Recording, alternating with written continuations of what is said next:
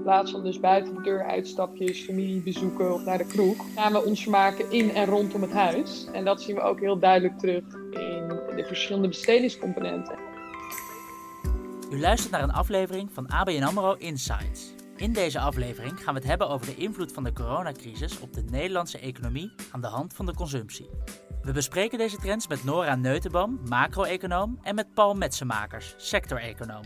Ik ben Jimmy Lange en ik ben communicatieadviseur. Nora en Paul, welkom. Jullie hebben beide een rapport uitgebracht. Wat hebben jullie onderzocht? We hebben gekeken naar hoe consumenten in tijden van een lockdown hun bestedingspatronen aanpassen. Ja, voor mij geldt hetzelfde. Alleen ik heb me daarbij dus gefocust op eten en drinken. Dus dat houdt in de dagelijkse boodschappen. De supermarkten, maar ook uh, voedsel speciaalzaken. Maar daar behoort ook de horeca bij, die natuurlijk uh, sinds 16 maart dicht is. En wat voor data zijn daarvoor gebruikt? We maken gebruik van data van pintransacties en online bestedingen van klanten die bankieren bij ABN AMRO. Uh, dat doen wij op een manier dat al deze data geaggregeerd is en geanonimiseerd. Dat betekent dat het niet herleidbaar is tot een bepaald individu of ja, tot een bepaalde rekening. En vervolgens wat we hiermee doen, is dat wij hier het publiek mee willen informeren. Dus al deze informatie die we hier uithalen, deze data, die is ook publiekelijk beschikbaar. Dus daar hebben we ook geen commerciële uh, doeleinden. Slechts het uh, ja, maken van economische analyses en daarmee naar buiten treden. En dus wellicht ook weer ondernemers kunnen helpen. Precies. Afgelopen weekend was het paasweekend. Een weekend waarin normaal gesproken de consumptie hoger ligt dan normaal. Is daar dit jaar verandering in gekomen? Nou, als we kijken naar de totale bestedingen in het paasweekend, dan zien we dat die zo'n 22 à 23 procent zijn teruggelopen. Dus ten opzichte van 2019, het vergelijkbare paasweekend.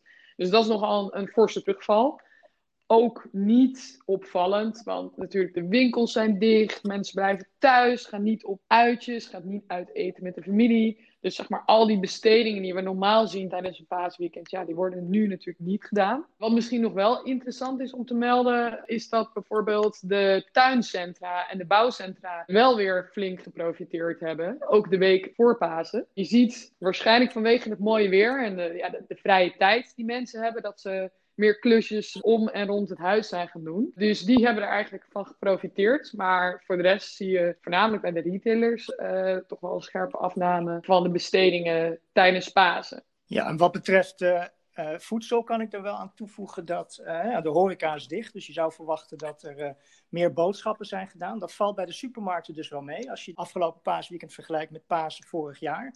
Daar is maar enkele procentjes gestegen in, de supermarkt. Maar mensen zijn wel meer gaan kopen in voedingsspeciaalzaken. Dus waarschijnlijk zijn ze voor elkaar gaan koken. En je ziet uiteraard ook wel veel meer online bestellingen van kant-en-klaar maaltijden. Maar dat was niet per se een hogere piek dan in de weken ervoor.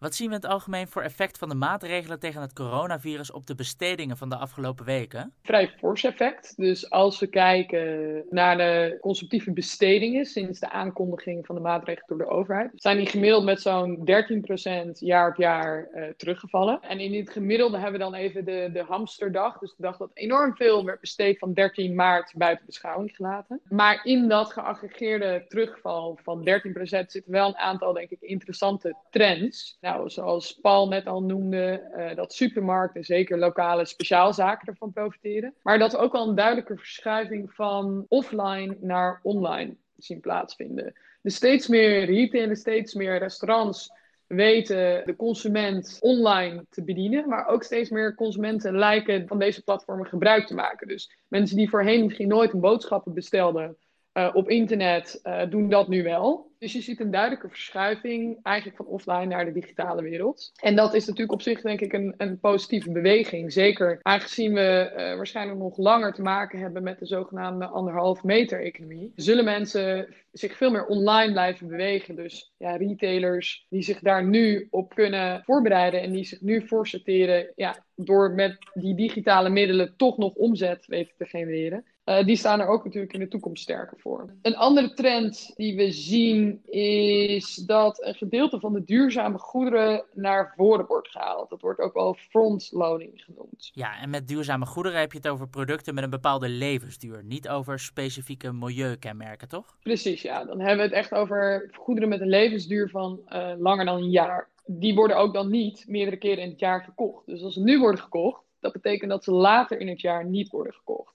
Dat is natuurlijk nu goed voor de consumptie, maar dat hebben we wel meegewogen in onze verwachtingen voor de rest van het jaar. Want als mensen die spullen nu kopen, dan kopen ze straks niet, dan is het straks slecht voor de consumptieve besteding. Dus dat is een andere trend die we zien. Een derde trend die nog interessant is, is dat het verschil tussen de weekdagen en de weekenddagen lijkt te vervallen door de lockdown. Dus omdat veel mensen natuurlijk thuis werken, kunnen ze ook door de week in één keer naar speciaalzaken gaan, in plaats van dat ze in de weekenden naar de visboer en naar de groenteboer gaan. Dus dat zie je ook duidelijk terug in het consumptiepatroon. Mensen kunnen natuurlijk ook niet meer naar de horeca. Nou, dat werd voornamelijk gedaan in de weekenden. Dus het verschil tussen die weekenden en de weekdagen, ja, die, die lijkt wel een beetje te vervallen. En als we dan dieper ingaan op eten en drinken, nou, we hebben al genoemd dat de verschuiving van horeca naar uh, dagelijkse boodschappen. Want mensen moeten wat ze in de horeca eten natuurlijk nu zelf kopen en koken. Ten tweede uh, zie je dat ze meer online bestellen. Dus dat, dat was al een hele grote groeimarkt afgelopen jaar, maar die is nu nog in de stroomversnelling geraakt. Dat geldt zowel voor kant-en-klaar maaltijden als voor uh, het online bestellen van boodschappen. Hè, want in de winkels is de capaciteit beperkt. Hè. Er vormen zich buiten lange rijen achter streepjes die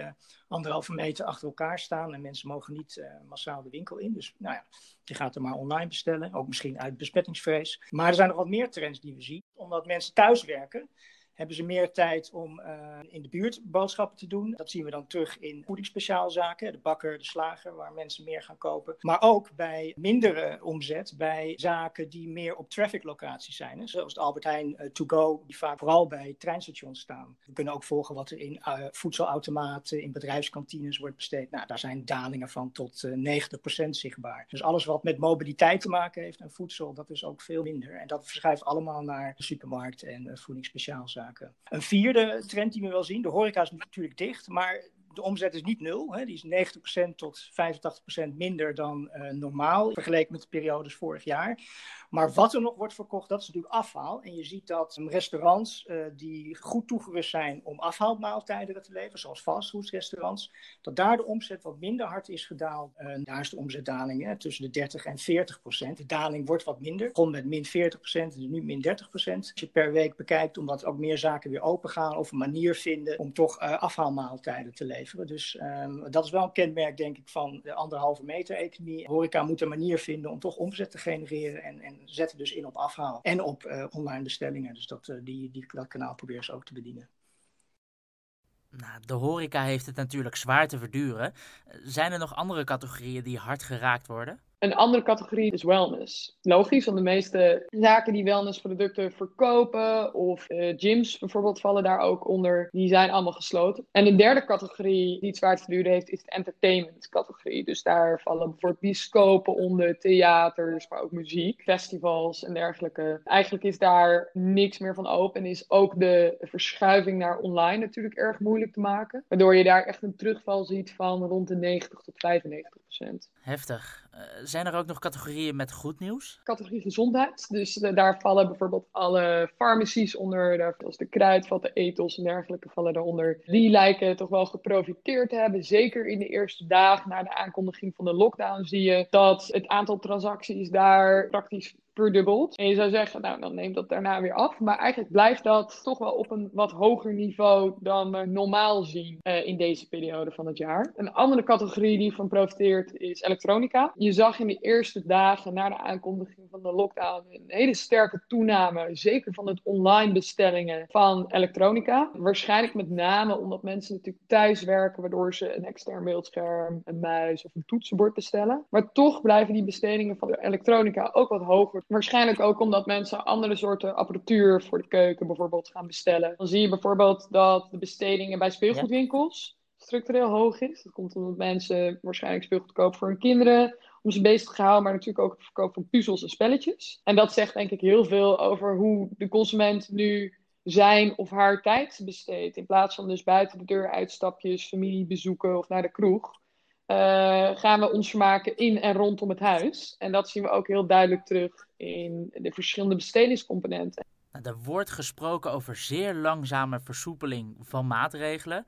Eh, kan de consumptie zich dan gaan herstellen? Tijdens de lockdown zien we natuurlijk allemaal dat de winkels gesloten zijn. Uh, nou, dat heeft direct impact op consumptieve bestedingen. Maar straks als de lockdown uh, langzaam wordt opgeheven, verwachten we niet dat consumptieve bestedingen meteen weer terugveren naar het oude niveau. En dat komt voornamelijk omdat sommige mensen hun baan verliezen of een, een negatieve schok hebben in hun inkomen. Dus bijvoorbeeld ZZP'ers die minder opdrachten krijgen. En dat betekent dat ze ook minder kunnen spenderen. Uh, op het moment dat de economie in een recessie terechtkomt, dan zie je allerlei zelfversterkende effecten die daarin plaatsvinden. Dus omdat mensen minder besteden, gaan bedrijven minder investeren. Als bedrijven minder gaan investeren, gaan ze minder personeel aannemen. Nou, dat heeft weer een negatieve effect op de inkomen van mensen. Dus je krijgt een soort van cyclische neergang. En die cyclische neergang die heeft ook ja, structureel impact op consumptie. En daarom verwachten we dat, hoewel de consumptie natuurlijk enigszins zal terugveren in de tweede helft van 2020, omdat de winkels weer open gaan en dergelijke, verwachten we niet dat die terugveert naar het niveau van voor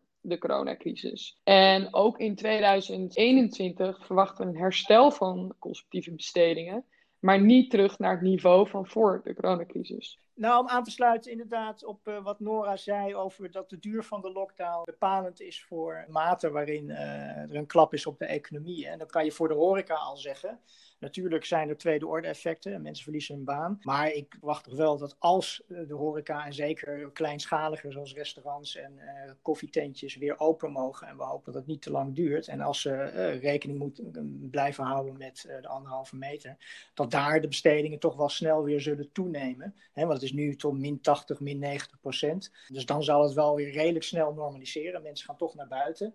het zal misschien niet het oude niveau halen. Maar daar de herstel snel zal optreden dat uh, is, is, is wel de verwachting. Maar voor grotere groepen, hè, bioscopen en theaters en, e-, zeker evenementen, waar heel veel mensen uit een grote delen van het land samenkomen, dat zal nog wel lang uh, stil liggen. Maar bij bioscopen zou je ook zelfs kunnen denken aan uh, capaciteitsbeperkingen. Gewoon stoelen leeg of rijen leeg houden. Ja, de, de, vaste lasten zijn toch al gedaan, dus het, is, loont toch altijd wel voor horeca en uh, theaters om open te gaan. Uh, als het tenminste toegelaten wordt door de overheid. Om toch een deel van uh, het verlies goed te maken. Dus in die zin moeten ze zich ook nu al voorbereiden op ja, zeg de anderhalve meter samenleving. Hè. Kijken of je klantenstromen toch zo door de zaak kan leiden dat ze elkaar niet in de weg lopen. Iets meer aan hygiëne doen, ook in sanitaire voorzieningen. Of mondkapjes voor de medewerkers. En de capaciteit beperken. Ja, duidelijk verhaal. Zoveel mogelijk proberen aan te passen en niet ervan uitgaan dat de situatie snel weer als voorheen wordt. Nora, Paul, bedankt voor jullie uitleg. Wilt u als luisteraar de rapporten lezen? Dan kan dat via insights.abnamro.nl.